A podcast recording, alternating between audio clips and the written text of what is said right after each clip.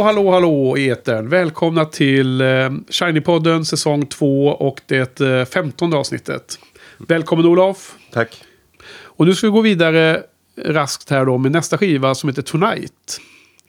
Eh, den kom ut Kom ut eh, 1984. ett år efter Let's Dance alltså. Ja, i september 84. Ja. Och eh, ja, vad, kan, vad, vad, vad, vad tycker du om Tonight då? Eh, ja, det är ju... Alltså som jag sa i slutet av förra poddavsnittet. Det är ju mycket sorgligt historia här tycker jag. Det som händer här nu. Ja, vad händer då? Ja men det här är ju sån himla eh, nedköp från Let's Dance. Ja. Och från alla egentligen hans tidigare skivor. Ja, Och eh, kanske man kan förlåta honom lite då. För han har ju uppenbarligen gjort det här delvis för att hjälpa Iggy Pop. För det är många låtar som är Iggy Pops. Eh, alltså, de har skrivit dem ihop i och för sig. Men, men eh, som Iggy Pop eh, tjänar pengar på då, i royalties. Ja. För han- Iggy Pop hade tydligen det svårt här då. Han hade, han hade stött på Bowie på någon semester och eh, några år innan här.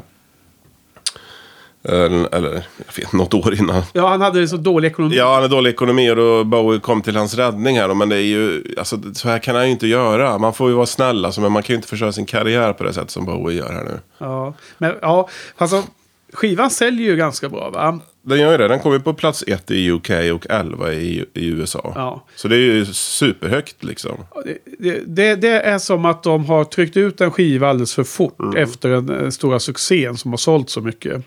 Och precis som Pinups kom eh, högt upp och etta i UK efter Ziggy-genombrottet så klart att skivorna efter Let's Dance säljer mycket. Men det är också mm, artisteriet, eller eh, eh, det konstnärliga innehållet är ju undermåligt. Och det, det är precis som att de har tving, tvingats eh, få ut en skiva bara för att skivbolaget vill det. Men jag har också läst om det här med att Iggy Pop var så otroligt eh, barskrapad och var tvungen att åka på turné hela tiden bara för att klara uppehället. Och, och, och han levde mycket på eh, royalties från eh, China Girl då. Just Den enda låten som han var med och skrev från Let's Dance. Så då skulle Bauer ha med låtar till honom. Men eh, han kommer alltså in och gör då en skiva där han har med sig tre nya låtar. Och resten är covers. Eh, renodlade covers eller i, i många fall så har han då skrivit låtarna med Iggy Pop tidigare på, på 70-talet. För de här eh, Last for Life-skivorna och några till kanske. Va?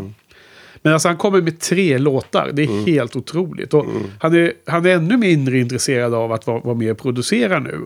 Första så är ju inte eh, vad heter han, Nile Rodgers med längre. Nej. Utan de har ju någon, någon annan som är helt okänd då. Vad heter han? Han är väl mer känd sen då, men sån här Hugh Padgham, eller vad hur det uttalas, eh, producerar här då. Men vid det här lag, när de gör den här skivan så är inte han eh, berömd tror jag, eller Nej. har gjort speciellt mycket. Men det var någon annan med också tror jag. Som Ja, Derek kick... Bramble. Ja, just det. Han kickar dem va? Ja, jag vet inte, men... Det, jag kommer inte ihåg exakt detaljerna. Han men, var tydligen men, helt värdelös enligt Carlos Alomar. Ja, just. Att han inte, fattade inte riktigt vad de höll på med. Och, men grejen är att Bowie har sagt i intervjuer att eh, han lät bandet eh, skapa musiken.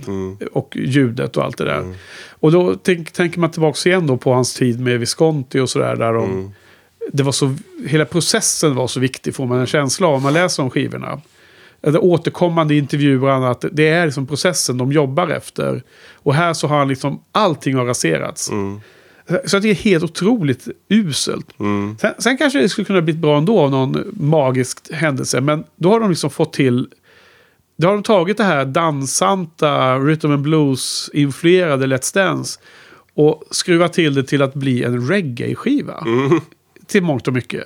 Många låtar här som görs i renodlad reggae-version.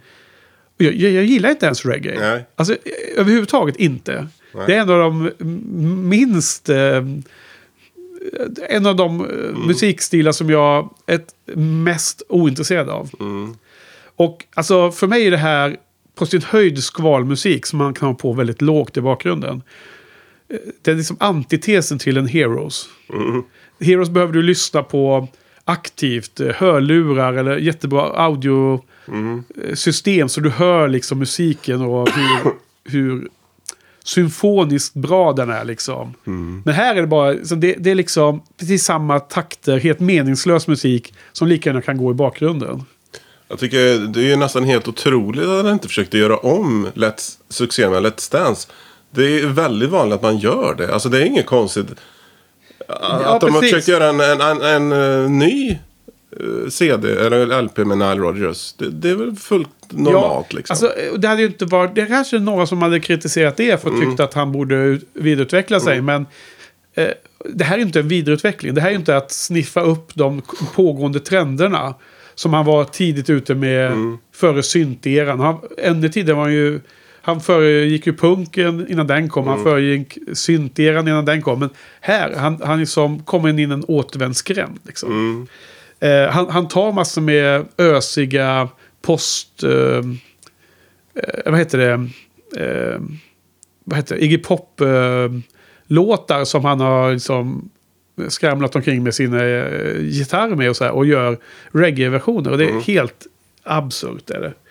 Alltså, och jag, jag, jag tänker att eh, den här skivan skulle man vilja ha eh, en strippad version av. Alltså akustiska, nedtonade versioner. Och tagit bort allt det här eh, på, eh, artificiellt påklistrade så att säga. Eh, Husguden Neil Young där har ju några skivor från också tidigt 80-tal. Det verkar ligga i luften då att artisterna gjorde konstiga saker. Neil Young gjorde ju två skivor på ganska kort eh, varsel. Dels Trans, som är från 82, som är när han kör med sån här um, synthesizers. Och det låter, du vet som kraftverk när de sjunger, låter som att det är robotar. Och det är väldigt långt ifrån hans country-influerade rock. Liksom. Sen gjorde han ju Reactor som också var jätteudda. Och runt den här tiden så var han ju signad på David Geffens eh, heter det, musikbolag. Mm. Geffen Records. Geffen, och han blev ju, Neil Young blev ju stämd för han gjorde orepresentativ musik då. Runt trans och sådant. Men de låtarna, om man lyssnar på livekonserter, bland annat turnén 83 när han körde bara akustiskt. Otroligt starka låtar. Bara att de är gjorda i en väldigt konstig setting. Och, och några av de låtarna återkommer på hans M- M- Unplugged-skiva från 90-talet sen också. Så att jag tror att Bowie har helt klart det kan mycket väl vara, vara bra låtar de här. Men i den här liksom eh, sämsta versionen av 80-talsproduktion Ja, så blir det inte bra. Det är de här absurt dåliga trummorna. Det är liksom... Ja, nu måste ju ändå nämna det här. Liksom, han, han själv har kallat det för sina Phil Collins years. Vad, vad, vad menar med det uttalat? Han har alltså benämnt det här mitten av 80-talet fram till och till och med 87 nästa skiva. Som The Phil Collins years.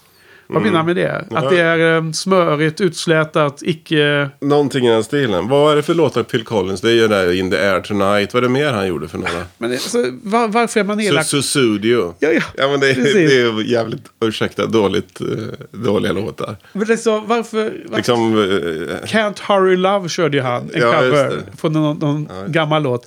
Men var, varför ska man vara elak mot Phil Collins? Va, nej, vad, är, han, han vad, vad finns det för nytta med nej, det? Nej, nej, han verkar ju vara en ganska trevlig prick faktiskt. Jag kommer inte ihåg att Phil Collins var med i Miami Vice. Han var jättebra där. Jo, jo men jag, jag, jag gillar väl honom egentligen. Men det är lite väl slicka grej liksom. Alltså det är lite... Han, precis, han, han gjorde alldeles för smörig... Mm. Liksom så här musik som riktar sig till en medelålders, vit, välmående Mm. publik. Liksom. Ekonomiskt eh, stabil publik. Mm. Det är så långt ifrån de här... Eh, eh, musik för ungdomar eller för, för eh, att musiken betyder något viktigt liksom. Svårt att... Men eh, det skulle vara intressant att veta vem det var som producerade Phil Collins. Var det också? Var det? Jag vet att Upage producerade ju någon av Paul McCartneys skivor 1986. nej. Också Press skit- to play. Skitdåligt också. Ja, det är också en, som, en skiva som har fått väldigt dålig kritik. Ja. Ja, Eh, nej, så att eh, det här var inget bra. Alltså jag, jag, vad sa, sa du att du hade lyssnat på den många gånger? ja massor med gånger. Va, va, hur? Varför? Och, och hur har du lyckats med det? Jag vet inte. Eh, jag har ju tagit bort vissa... Jag har ju min metod då, att bara ta med de bästa låtarna. Ja. När jag lyssnar på dem Men ska, efter vi, några gånger. ska vi gå igenom den här skivan lite annorlunda? Det här är för övrigt den sista skivan som släpps som LP som original. Mm. Från med nästa skiva som kom 87. Han, han, han fick väl någon chock efter det här. Eh, Det tog tre år och sen gjorde han det här, eh, vad hette den nu då? Never Let Me Down. Mm. Och då, då släpps den på CD som primärt format. Mm. Så det här är sista, sista gången vi, vi har möjlighet att prata om A och B-sidan som, som liksom det ursprungliga. Men eh, jag tycker vi går igenom Bowies tre originallåtar och sen så klumpar vi ihop de andra lite mer över, översiktligt. Mm, vi kan se. Vi Eh, börjar med det i alla fall. Vi kan, så för att, vad heter det, hela skivan är kortare än 36 minuter, vilket är en befrielse. Ja. Att den är kort. Eh, jag har nog inte hört på den mer än två eller tre gånger, men jag tycker den så... Första genomlyssningen så tyckte jag den var så fruktansvärt dålig så jag blev liksom irriterad. Mm. Jag, jag, blev, jag blev arg till och med. ja. Eh, hur, hur var din process? Du, du klipper bort låtar eller? Ja, jag lyssnade igenom uh, den komplett några gånger. Ett par, par, tre, fyra gånger kanske. Och sen, men sen har jag tagit de bästa låtarna. Det var svårt att... All, det var svårt, men det, det, det, finns ju- det, allting är relativt. Så Men vilka är de bästa låtarna? då? Ja, vad är de bästa låtarna då? Det, jag är bara helt chockad över att du kan ta det ordet. Mm. Du vet ju att jag starkt ogillar Loving the Alien. Ja, som är det- första låten. Det är ju en... Den, den är ju helt okej ändå. Ja, det, den, den, har ju, den har ju fått väldigt bra kritik egentligen. Att det är en, en fantastisk låt egentligen. Då, men kanske inspelad dålig. Ja. Men jag tycker den är alldeles för lång.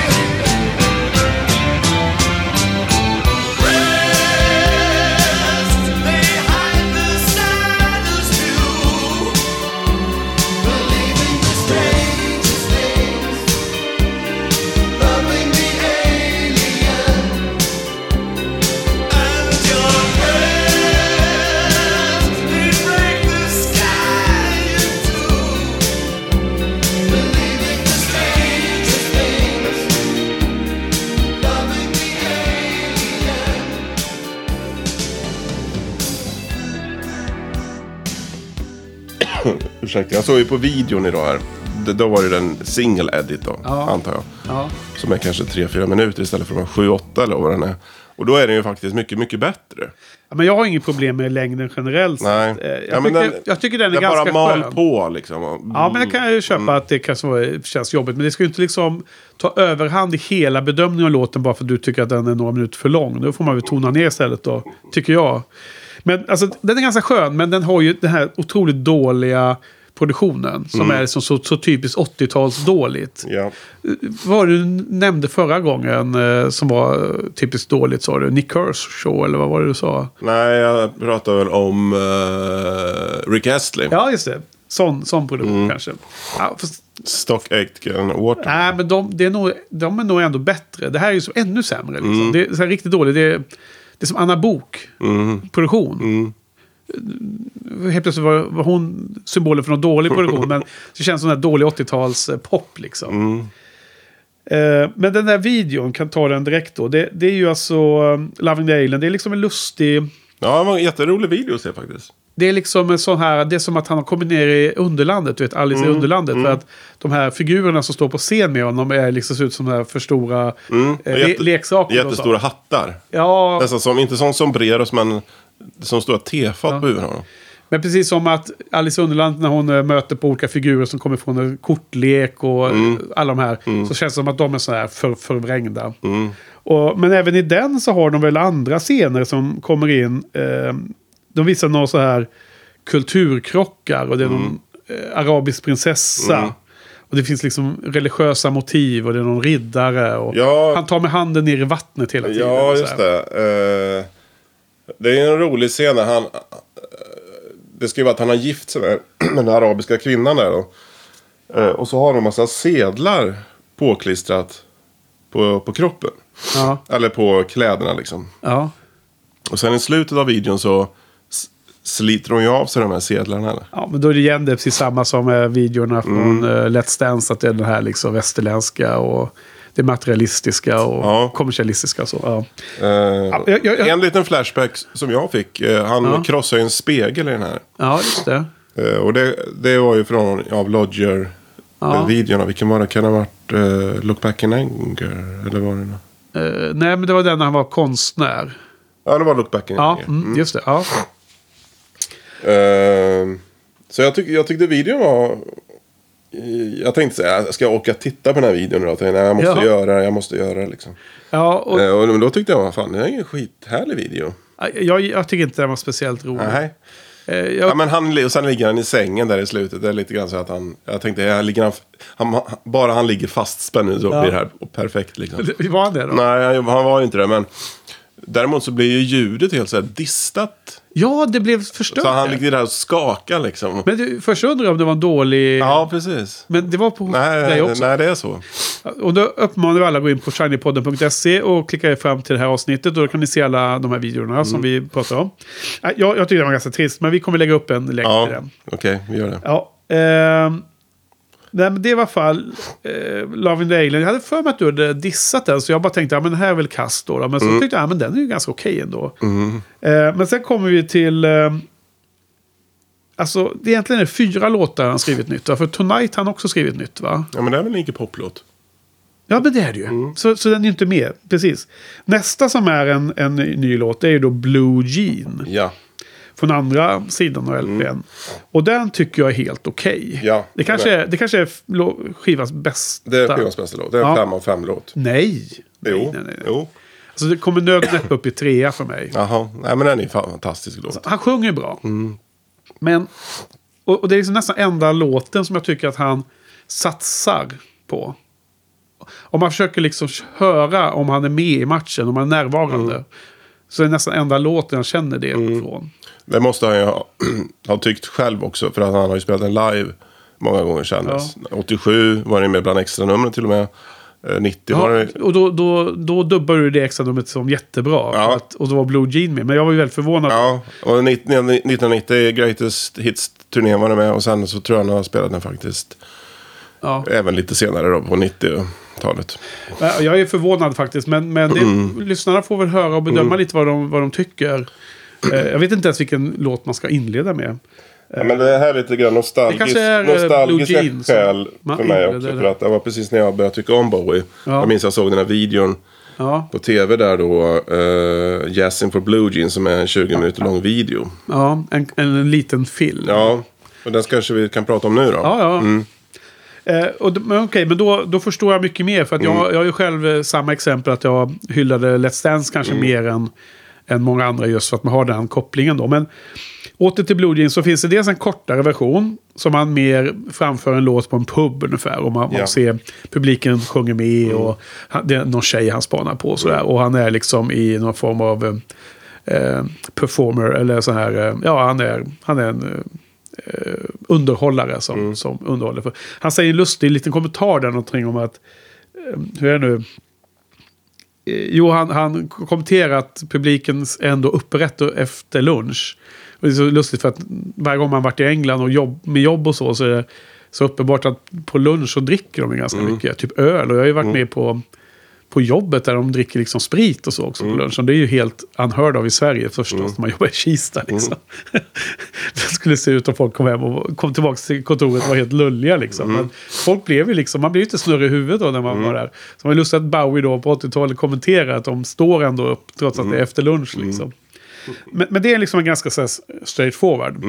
Sen den, jag måste- den, den versionen av video, eller av hans musikvideo då. Jag måste få säga lite om den här Ja. videon. Jag tycker den är Ja. så himla lustig. 80-tal. Det är någon basist där. Ja. Som rör sig så jäkla så här 80-tals... eh, Kolla vad jag skrivit i mina notes. eh, Där, med en liten smiley. ja, just det. Basistens dans. Ja, precis.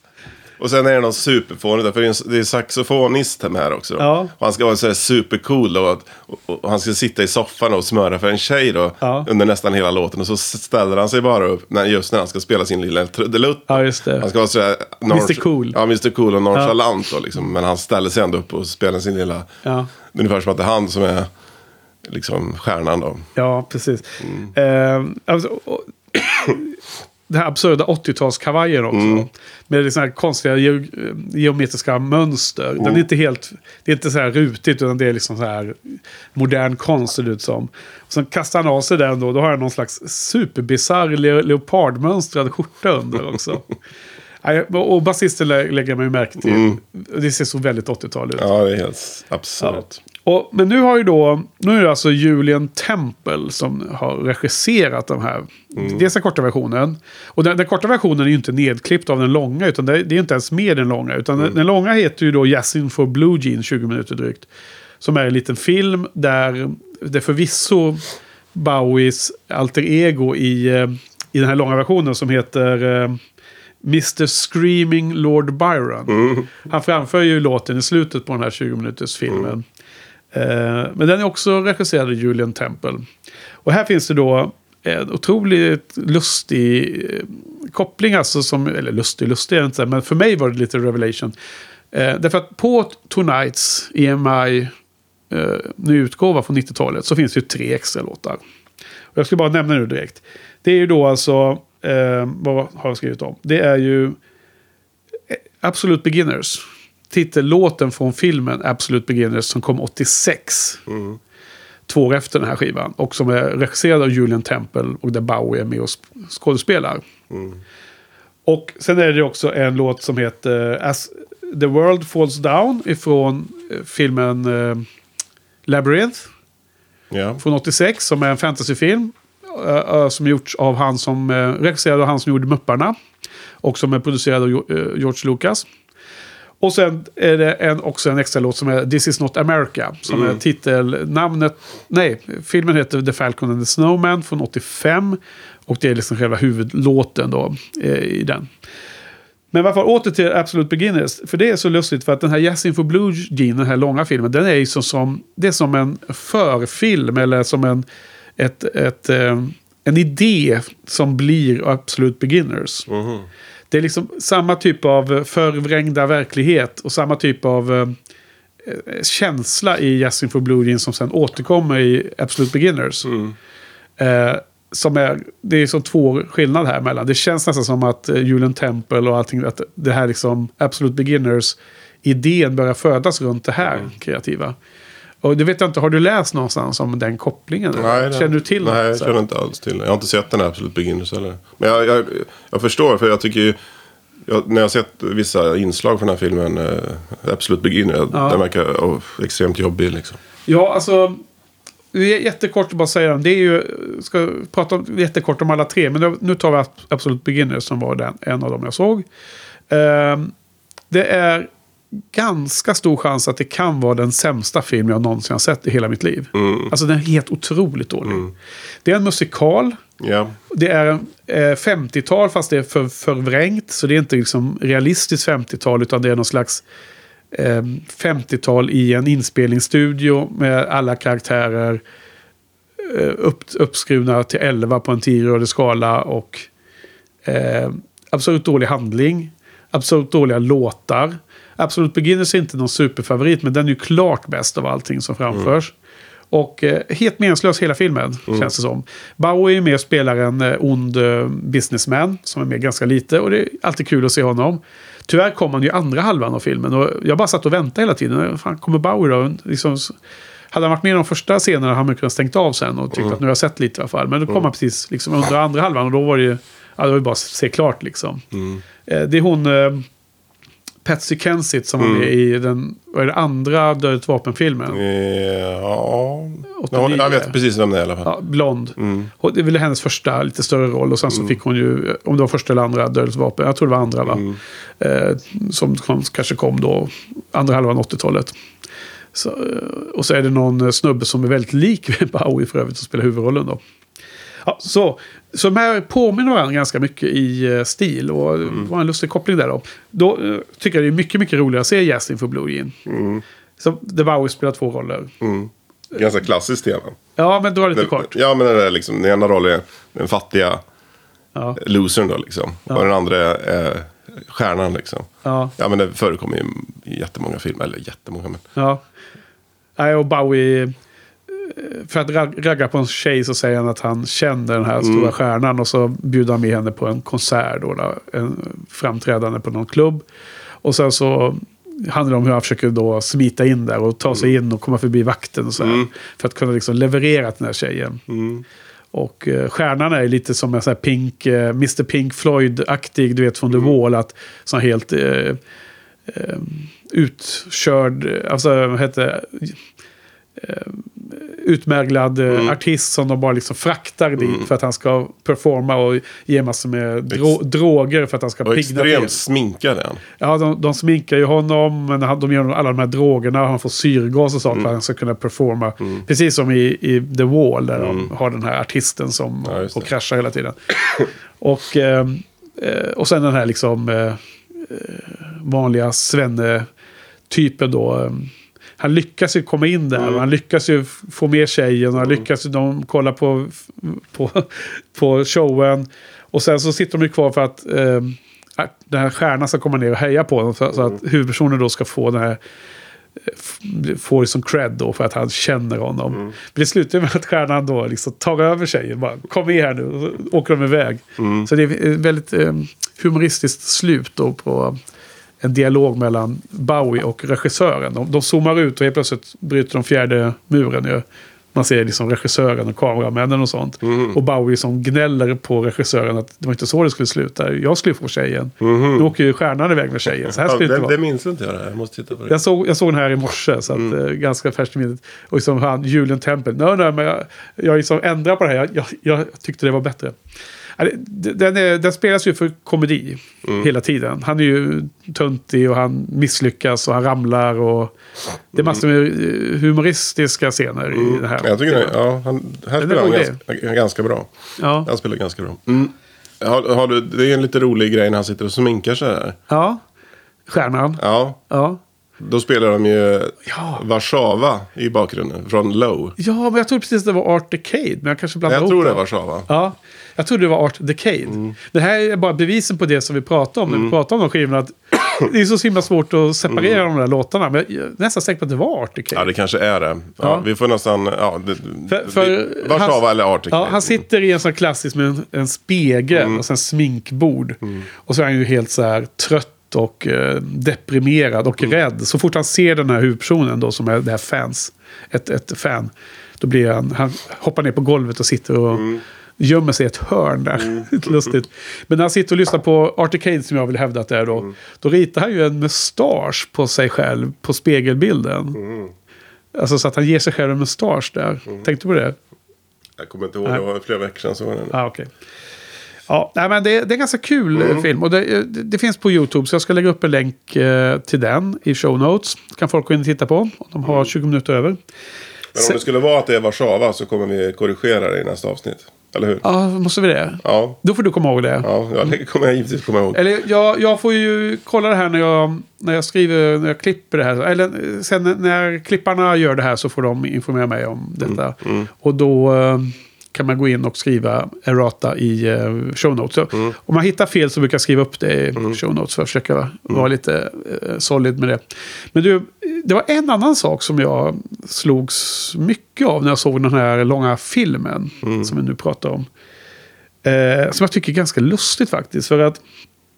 ehm, ehm, vad heter det? Nu måste jag ta en paus här. Vänta lite.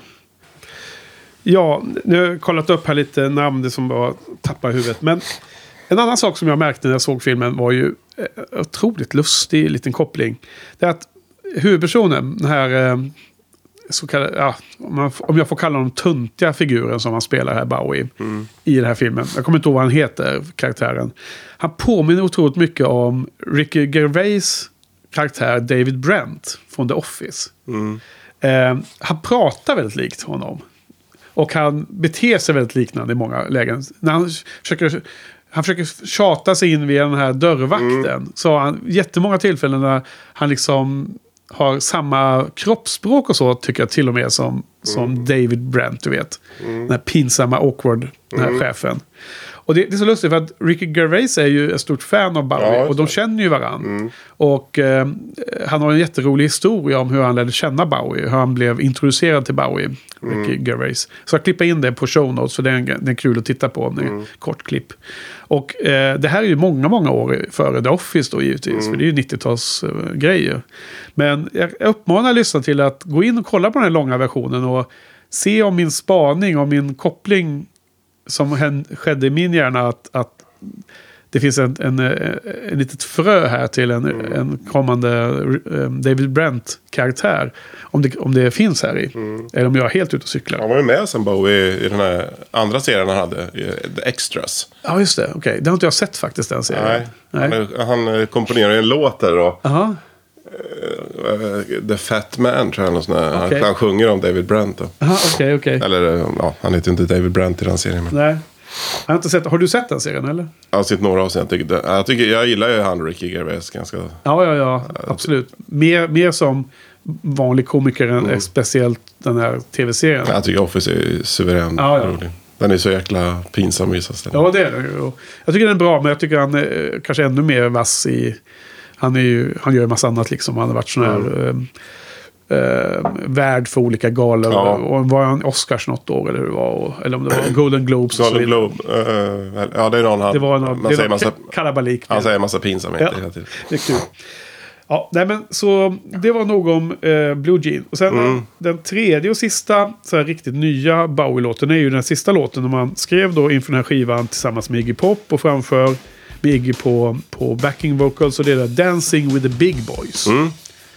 Eh, vad, vad tycker du om den? Den är mycket bra. Den gillar du? Ja. Ja, nej, jag tycker den inte är speciellt bra heller. Nej. Nej. eh, det verkar ju varit någon form av... eh, ja, de bara kom på låten i studion. Okej. Jamma. Ja. Ja.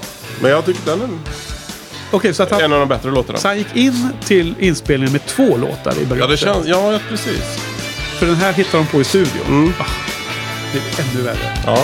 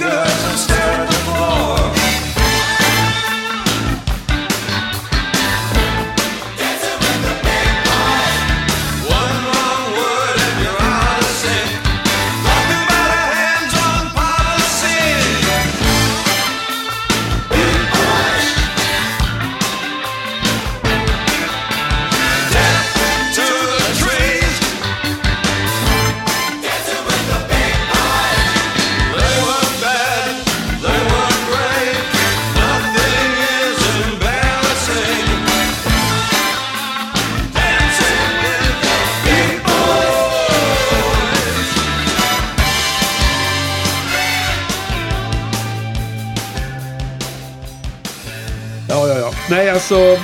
ja, Jag, jag måste säga att jag tycker Blue Jean är okej. Jag tycker Love Alien är faktiskt okej. även om inte du gillar den så mycket. Men det här med eh, bara två låtar. Jag vet inte om jag har fel. Men jag för mig att jag läste så att, att den hade med sig fler låtar. Men att de eh, spelade inte in dem. Eller? det kanske de gjorde, men jag vet inte. Alltså, jag tycker hela processen verkar ju helt totalt eh, bruten här. Helt förstörd. Jag menar, Han verkar inte ha brytt sig om hur låtarna producerades och hur slutresultatet blev. Och han verkar ju heller inte bry sig om att liksom, det var väldigt lite nytt material. Eh, så det är väldigt många fel i det här. Och, menar, han har ju liksom, han har ju i efterhand eh, såklart eh, känt med sig att det blev inget bra det här. Och han har ju, han har ju liksom ackat det i, i intervjuer senare. Det här var inga, inga, ing, det var inga bra, bra saker. Jag tror också han har liksom hävdat att vissa av, de här låtarna är bra låtar i grund och botten. Och att han är missnöjd med hur det blev liksom. Jag återkommer till det här att man kanske skulle ha dem helt strippade liksom. Ja, för om man, jämför, Akustiska. om man till exempel jämför med eh, nästa eh, LP som också är... Ja, Från eh, Phil Collins-eran. Ja, från Phil Collins sida. Never Let Me Down. Så från den har han ju inte spelat en enda låt sen live. Förutom den första turnén då. Ja.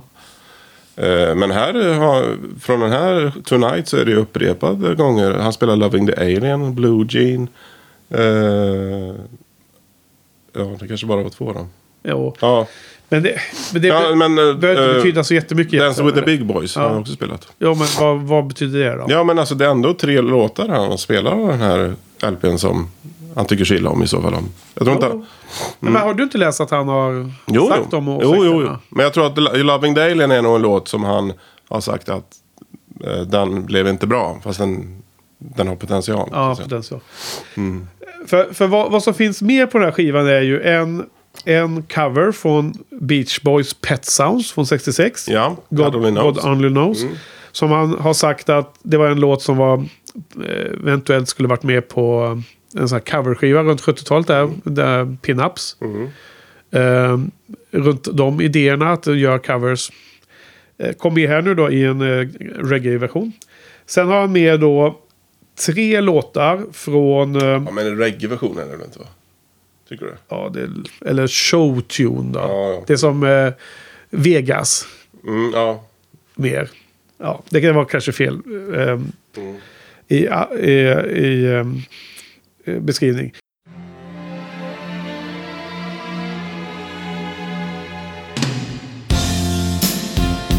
If you should ever leave me,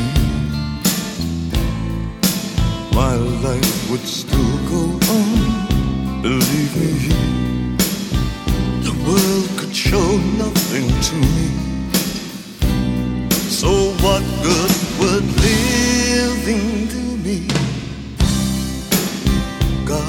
only knows what I'd be without you.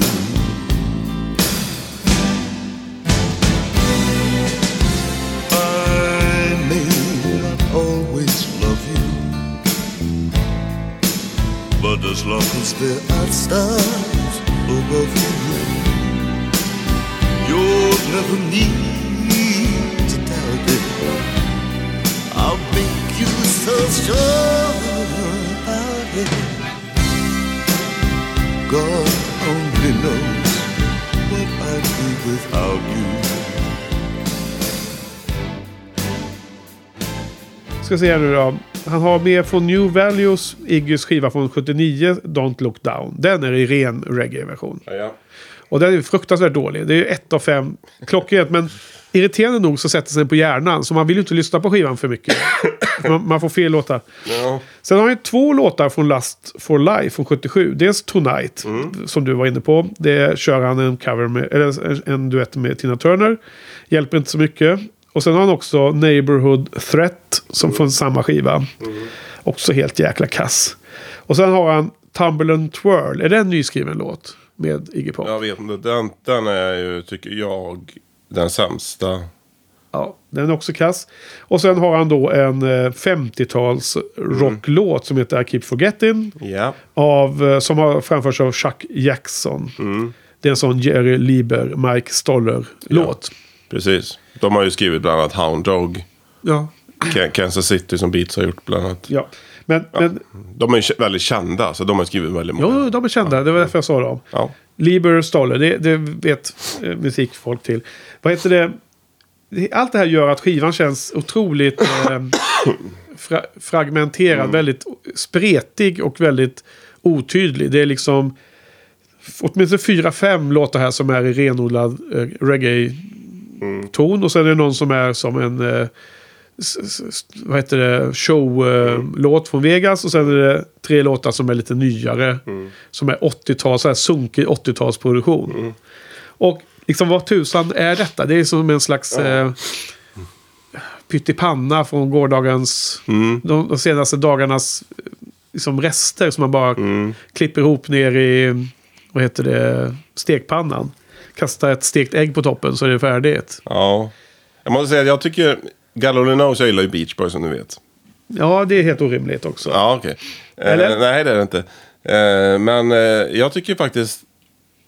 Eh, Bowies version är ganska okej här. Jag, jag gillar den. Den är eh, liksom pompös Ja. alla Elvis Presley. Ja, precis. Ja, Eh, så jag tycker den är... Jag, jag gillar det. Det är en av hans bättre cover. ja, Eh, tycker jag. ja. Ehm, jag försöker liksom hitta förlåtande Ja, attribut här nu på skivan. ja det, det är du bra. kommer märka det. Bra, bra ambition. Det, det man kan säga och vara snäll här då, det är väl liksom att de flesta låtar är liksom är non-offensive, eller om man, ska, om man ska uttrycka det så. Ja, men det, det, det, De är för oförargliga. Ja, oförargligt. Och det, Mm. det hamnar ju med att det passar som skvalmusik i bakgrunden. Men man vill inte höra för, för nära på dem. Nej. Man vill inte ha dem i hörlurar. För då, då hör du allt elände. Ja. Eh, sen tycker jag Tonight är väl också ganska okej. Tina Turner gillar jag ju då.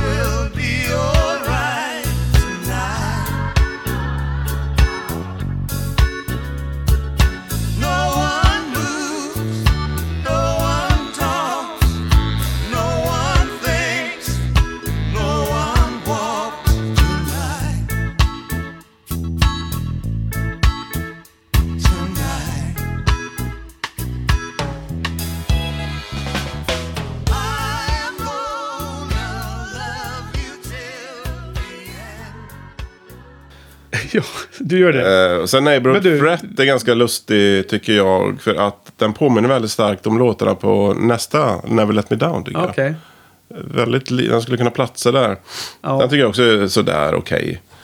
Uh, Blue Jean har sagt en suverän 5 av 5-låt. Tumble and Twirl är ju så jäkla dålig. Ja, den, nej, det går inte. Nej. Det är någon reggae där. Och, nej, nej, nej, nej. Och I Keep Forgetting, det jag kan inte förstå för den, varför han ska spela in den. Det måste ju ha funnits någon bättre låt. Ja. Som du också varit inne på någon gång. Det måste ju bara ha funnits någon bättre låt. Ja. Ja. Eh, och sen Dance with the Big Boys då, är, suverän tycker jag. Så att det, det finns en, en del bra grejer här. Men ja, jag håller ju helt med dig att det här är ju så jäkla spretigt. Och liksom helt oförklarligt hur han kan ha gjort sånt här karriärbeslut. Alltså han måste ju förstått det här. Är, liksom, hur kan han släppa en sån här skiva efter Let's Dance? Det, det går liksom inte att förstå nästan tycker jag. Han Nej. måste, han måste ha fått någon hjärnsläpp eller något. Ja, men alltså det... Antingen så är det att han liksom ska bevisa att han klarar det utan de här stödjande Mm. personerna. Att han tycker att hans bra skivor med Visconti är inte mina egna. Mm. Det är som våra skivor.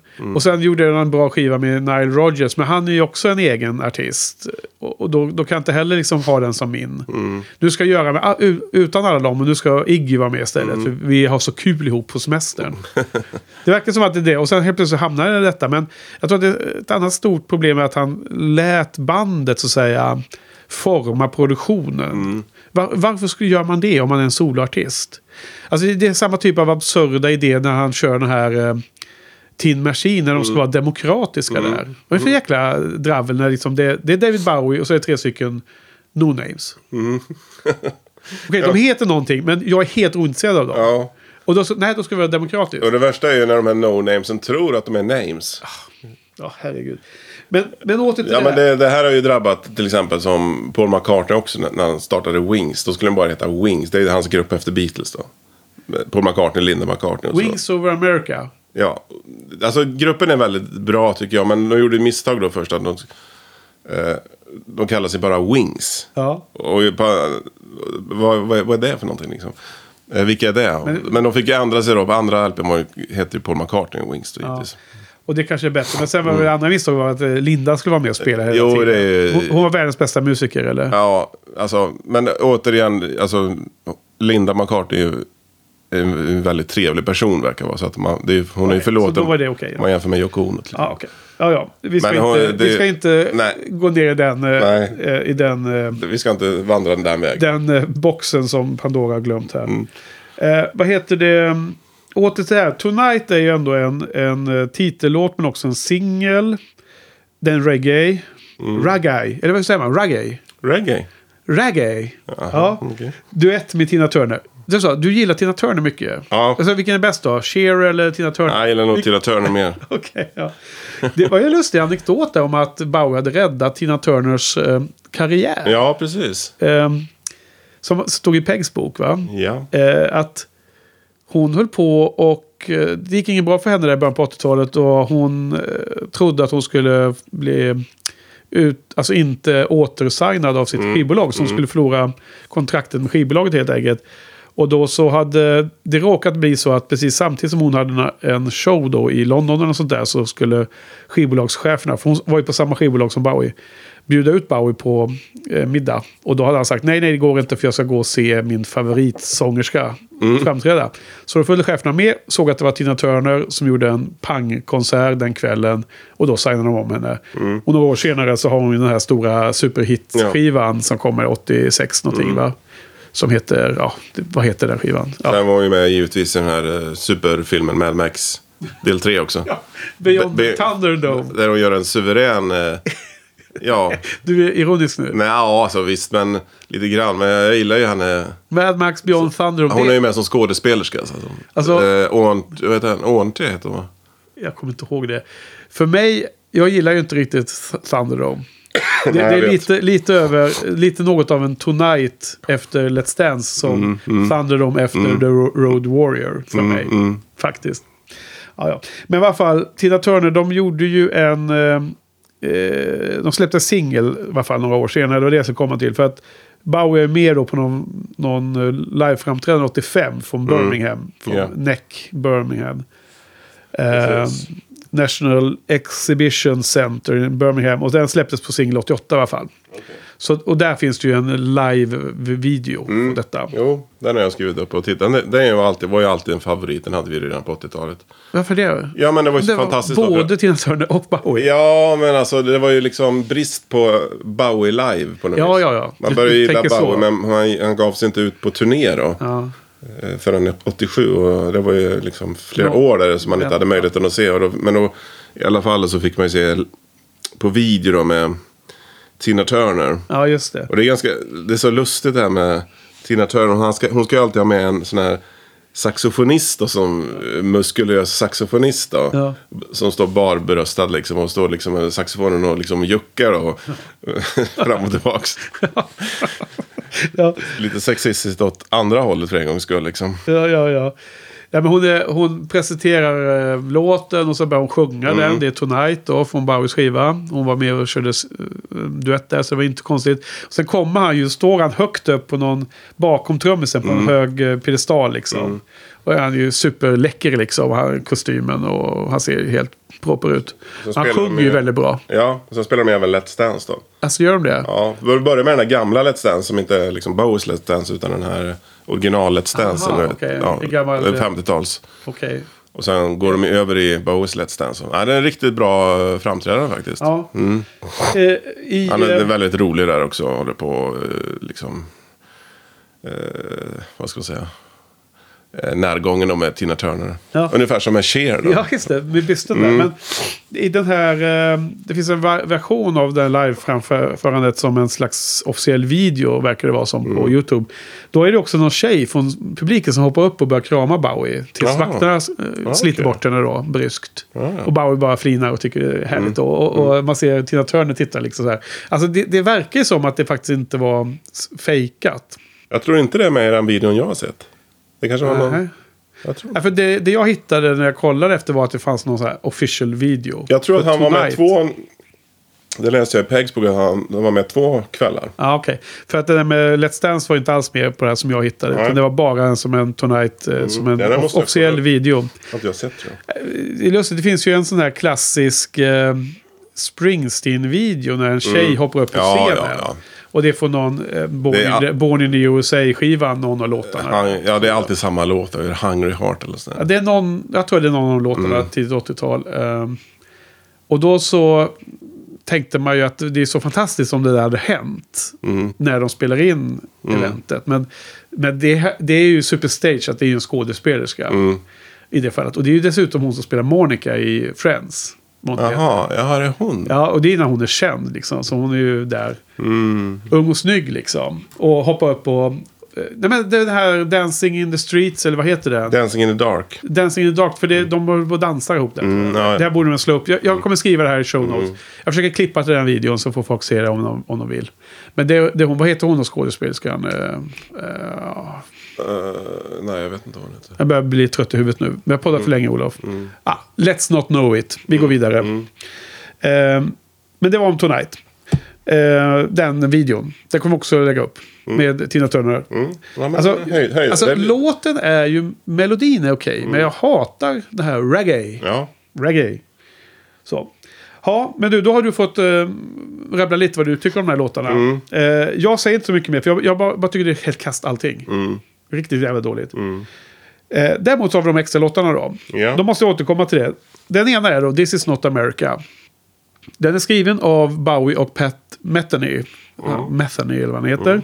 Och det är från filmen eh, The Falcon and the Snowman som du har sett va? Ja. Och nu såg jag den för första gången. Det är ju en Based on a true eh, story. Eh, det är 70 tid 70-tal. Det är en... eh, Två eh, unga killar från Kalifornien som... eh, Den ena jobbar på något CIA-ställe och så säljer de hemligheter till ryssarna. Till sovjeterna.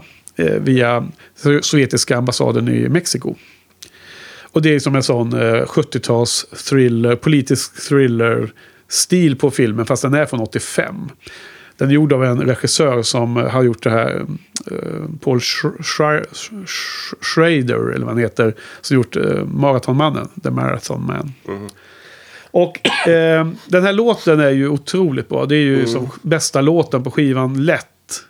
Alltså alla de här tre extra låtarna, skulle man byta ut tre stycken eh, sådana här eh, reggae-låtar. Då skulle det hela Tonight förbättras. Och, och det skulle bli som eh, några nya Bowie-låtar, några av de här filmlåtarna och sen skulle det vara någon duetten med Tina Turner kan vara kvar och kanske God Only Knows då. Då hade det kunnat bli en okej skiva tycker jag.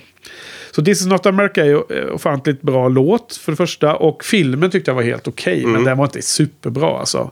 Det är han eh, Madonnas före detta. Det är ju Sean Penn. Jag har aldrig gillat honom. Ja, jag gillar Sean Penn. Du gör det? Ja. Han spelar ju den korkade av de två. Och som är extremt nar- narcissistisk. Tycker att han själv är superbra. Men han är totalt korkad. Och han är, eh, är ganska vidrig som karaktär. Och han, han passar in i den rollen. Men jag, jag har aldrig gillat honom. Jag tycker Timothy Hutton som spelar huvudrollen. Den andra killen. Den, den smarta av dem. Eller han som egentligen begår brottet också dessutom. För han gör det av liksom, eh, politiska skäl. Han, han, han är mycket... eh, Han, han är bra. Han gillar jag. Ehm, så, så, så den här filmen är okej. Sen har jag redan nämnt lite om Absolute Beginners. Den, den låten är inte super, super bra, men den är ändå okej låt. Absolute Beginners. Det är en ganska skön eh, sång i den. Ja, visst, men den är också alldeles för lång. Och den bara liksom maler den är lång, på. ja. Liksom, det är ungefär som Loving Day. Den är liksom ingen dynamik i den. Den bara fortsätter. Den hade, varför ska man hålla på med samma jäkla liksom, stuk i sju minuter? Det räcker med två, tre minuter så har man har sagt vad man vill säga med låten.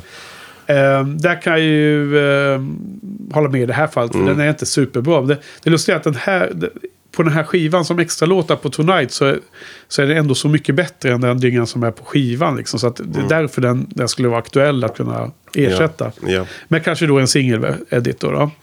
Eh, och jag har redan nämnt att den filmen är fruktansvärt dålig. Det har du gjort. Ja. Ja. Och den tredje låten som finns här, det, det är en, en långsam, eh, ganska mjuk eh, låt som heter As the World Falls Down.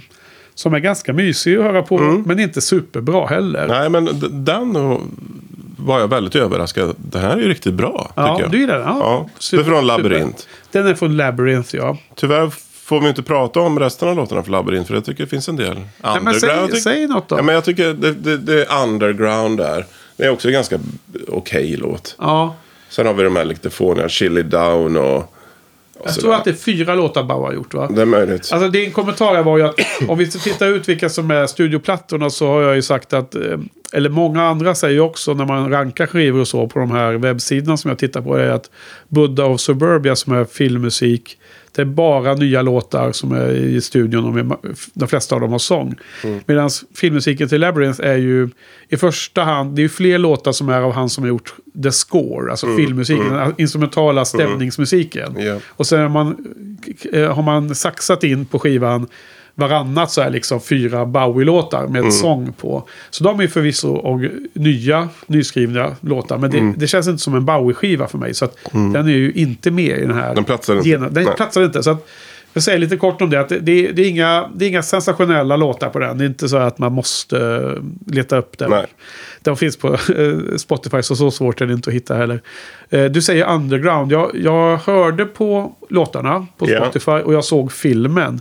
Och ändå så var det inte så att jag direkt att den poppar upp i huvudet på mig nu. Så jag är lite osäker på vad jag, vad jag tyckte om den ens. Mm, den är ju lite så här poppigare låt. Jag, jag tror att det är den låten som spelas i eftertexterna. Eh, av den här eh, filmen. Labyrinth är ju en otroligt charmig och ganska rolig film. Men som mycket fantasy före Sagan om ringen och eh, Harry Potter. Så är det ju helt superkastgjort liksom. Alltså, de, de förväntningar vi har nu på en fantasyfilm är ju på en helt annan nivå. Det här är ju mer som ungefär på samma nivå som Mupparna. Fast det är en fantasyvärld. Och det är ju lustigt nog att det är George Lucas som är med som producent. Och så är det han som har gjort Mupparna som är regissör till Labyrinth. Eh, för övrigt då, innan eh, de slog igenom med fantasy så var det ju bara Star Wars som var riktigt bra fantasy för mig tyckte jag. Så verkligen... Men gillar inte du Dune? Nej, nej, inte speciellt mycket. Det var ju Sting eh, kul Ja, att se. Sting. Ja, ja men jag måste... Sting, han, han, han har väl epitetet som en av rockvärldens tråkigaste artister. Nej, jag tycker Sting är helt okej faktiskt. Han och eh, Eric Clapton, va? Okej. Alltså grejen är så här att Sting, Stings tid i Polis är ju så jäkla bra. Polis jaha. fem, är det fem album de gjorde, tror jag det var. Mhm. Under typ tre år. De var så jäkla hysteriska där ett tag. Ja. Och, och sen var han tvungen att hoppa av. När han, äh, trummisen i Sting, eh, i Polis, Stuart Copeland. Och sen gitarristen Andy Summer, Sumner, eller vad han heter. De liksom höll Sting eh, vass och eh, sträv, eh, motsträvig. Höll kvar det liksom, det bra. Sen när Sting ganska snart då to, la, la ner polis och körde soloplatta. Eller så här, soloturné. Tredje försöket, solokarriär.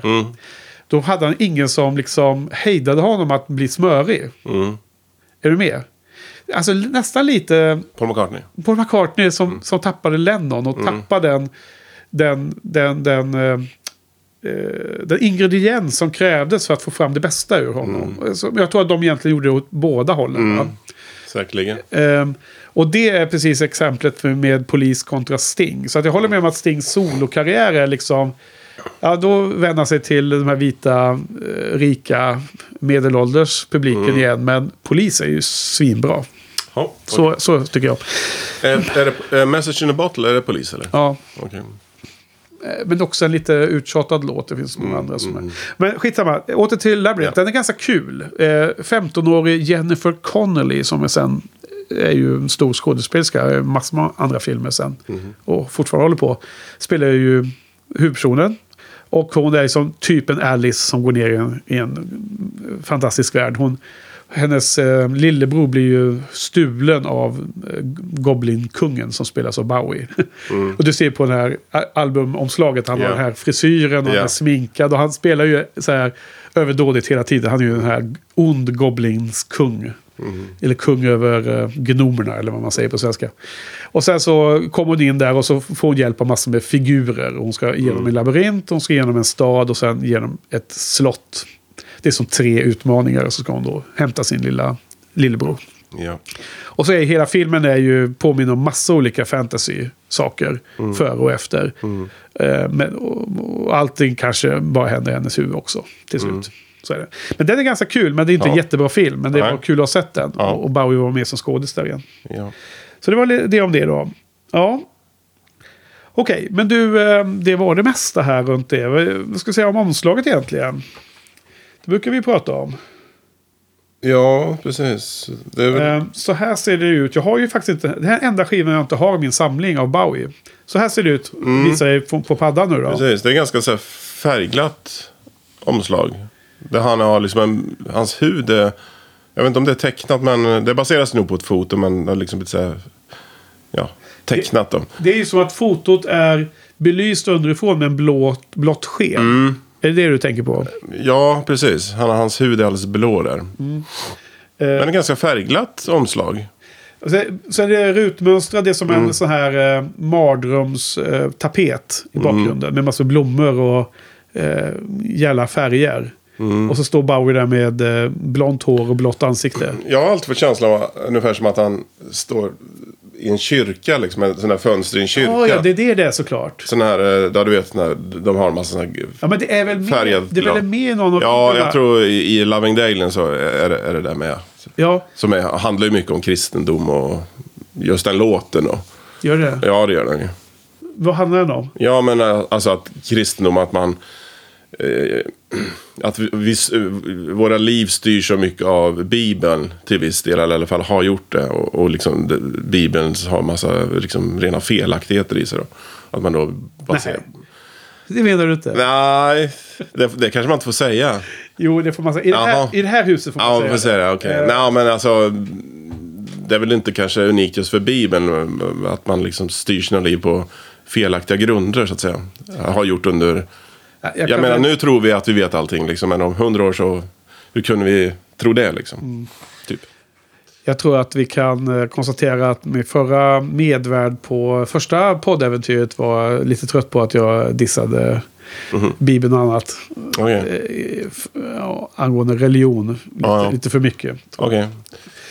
Det kändes som ibland. Men, Ja. eh, men nog om det. Så kan det vara. Eh, ja, men det var ju spännande att få en liten eh, snabb tolkning av eh, herr Olof här. om Jag tror Loving det Day. framgår i den här videon ganska mycket också. Han är, det är som, han är som en sån här, vad heter det? religiös, Mi- missionär... mi- Ja, heter det? Missionary Man. Ja, Eller? ridd, vad heter det? Korståg. Korsriddare, eller vad heter det? Ja. Ja. Ja, eh, så var det med det. Vad heter det?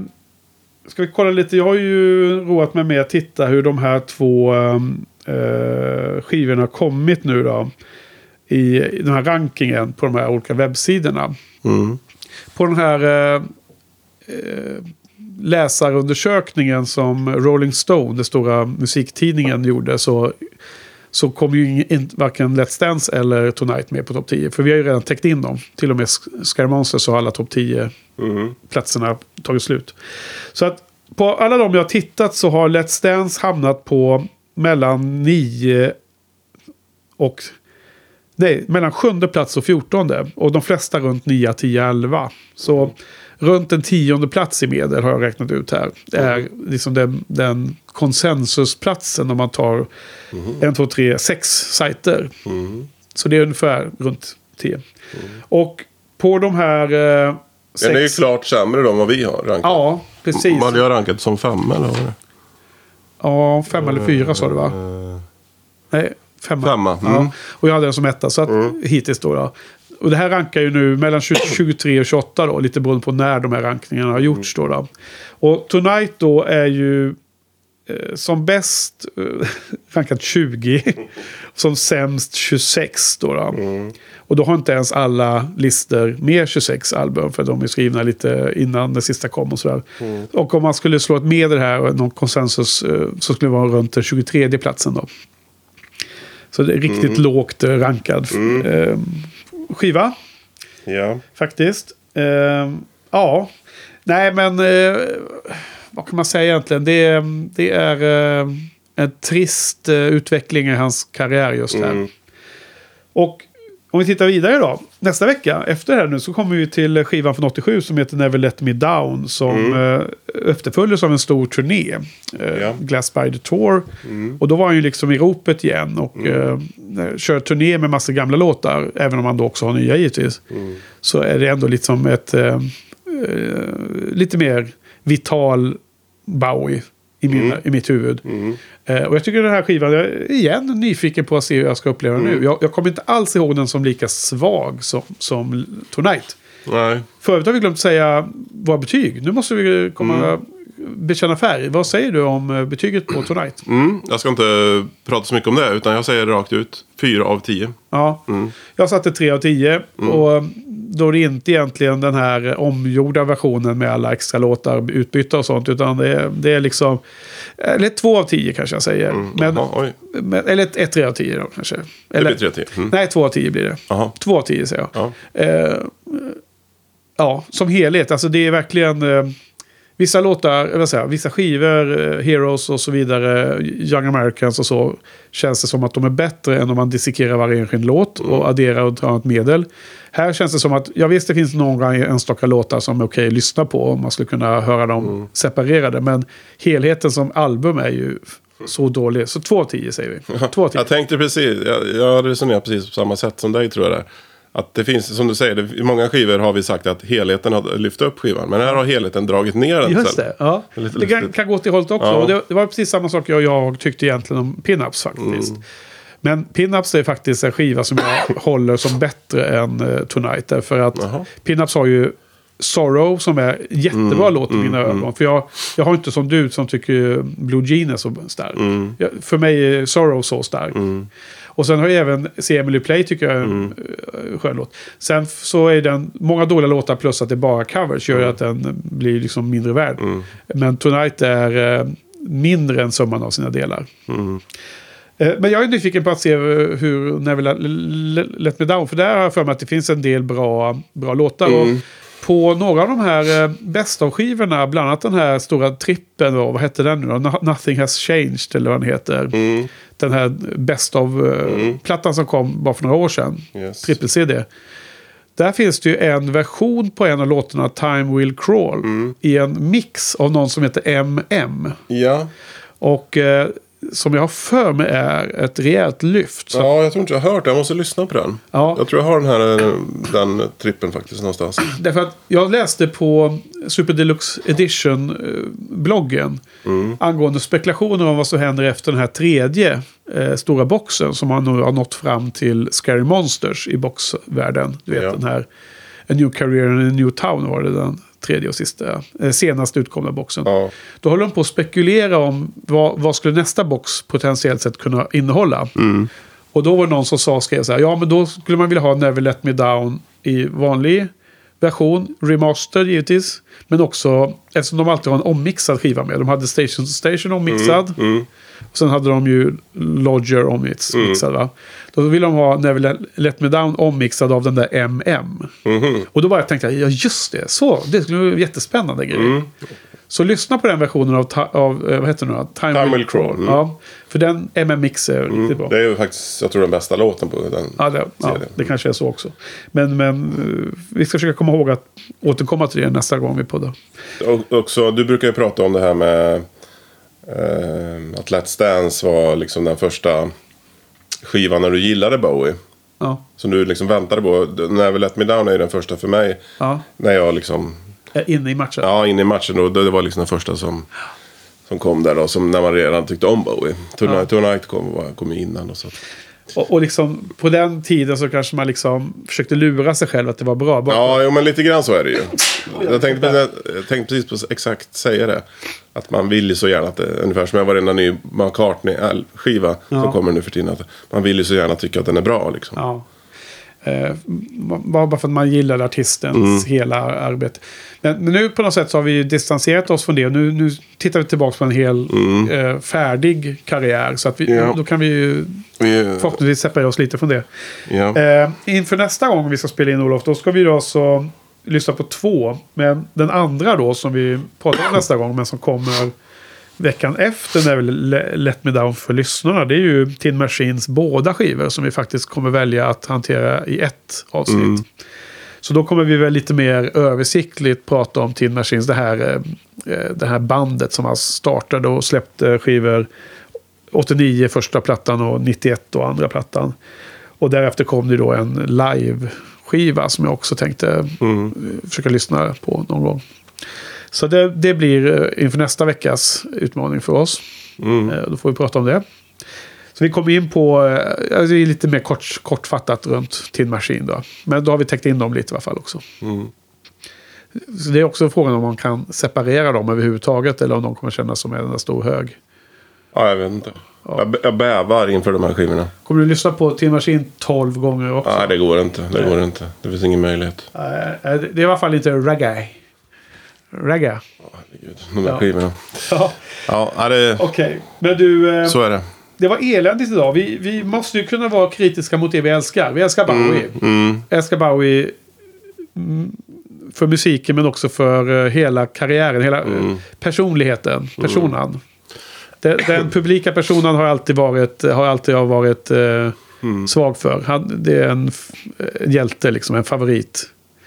Ehm, det, det, det är så tråkigt med, med eh, artister som är dåliga eller tråkiga eller kassa på något sätt vid sidan av musiken. Då, då tappar liksom intresset. Ehm, så som det lät som när du beskrev Sting alldeles nyss. Det, det lät inte som att du skulle vara, kunna bli en stor fan av Sting. För Nej. att du hade den bilden av honom vid sidan av musiken också. Men Bowie har alltid varit en, en, eh, en hjälte på det sättet. Och, men man måste kunna kritisera även det, Mm. de, de som man eh, eh, gillar. Och här, eh, alla skivorna är inte lika bra. Och Tyvärr Nej. kommer vi till ett stim här nu där det är lite svagare. Ja. Sen får vi försöka få ny energi i, eh, i betygsskalan och allting när vi kommer in på mitten av Det är 90-talet. möjligt att det kommer bli någon form av relativism här också. Att, Vad menar du med det? ja, men att eh, de här skivorna som kommer sen. De är, det går ju liksom inte att anta att de kommer vara... Vi kommer hitta en ny Heroes eller en ny Scary Monsters bland resten av skivorna här. Men eh, mm, det kanske ändå blir så att man får... Ja. Man kanske får nöja sig med lite mindre så att säga. Ja, alltså på något sätt så tror jag att Bowies andra halva av hans karriär är lite mer som för Neil Young för mig. Att det är, vissa skivor är inte helt superbra rakt igenom, men att det finns ofta bra låtar som man plockar ut och tar åt sig. Eh, det är liksom lätt att göra bäst av samlingar eller att plocka de allra guld, de bästa låtarna och få en riktigt stark samling. Och jag tror Bowie är lite samma för mig från och med att han eh, eh, avslutar Tin Machine och börjar liksom göra en, en eh, åter, återintroduktion av sig själv. Ja, men vi har väl varit inne på det flera gånger att artisterna de, är, de gör sitt bästa upp till 30 års ålder eller vad det nu vi har pratat Ja. om.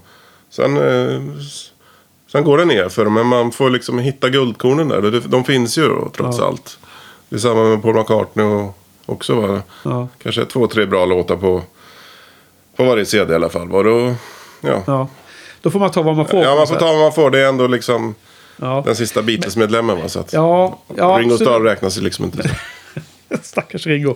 Men han lever ju i alla fall. Ja, ja, han, Han finns ju fortfarande. Ja, eller hur? Ehm. Men alltså, så illa tror jag inte att det kommer vara att det är två, tre låtar bara. Jag tror att Bowie kommer ha skivor där Mm. en majoritet av låtarna är bra. Det är min eh, Jo, vet. vaga jag, förväntning. jo, det finns vissa som är, som är riktigt som är riktigt höjda skivor faktiskt. Eh, Så att, eh, mm. Så att vi, vi Allt är inte Nej, allt är inte glåmigt och kört. Men Eh. det känns ändå lite så här.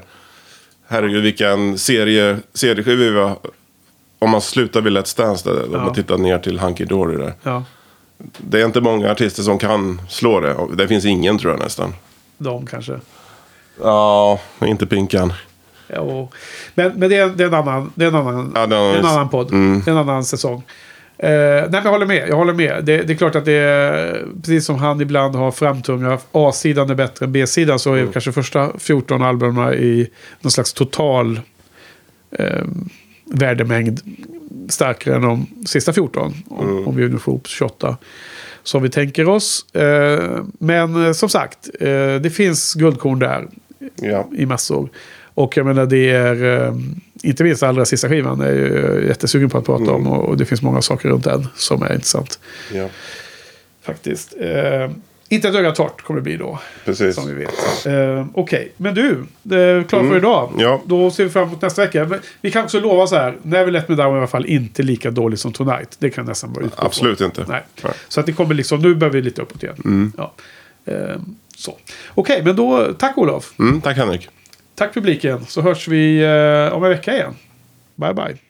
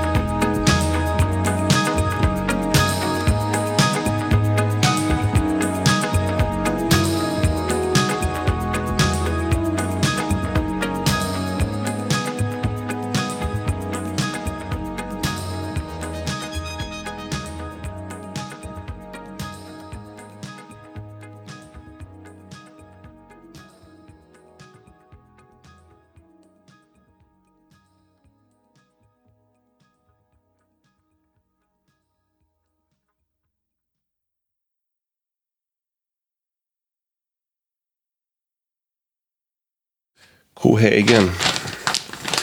Come on Cohagen, give those people ear. Ja, precis. Heter han Cohagen? En, Ja, kanske. Cohagen, jävla påhittat namn.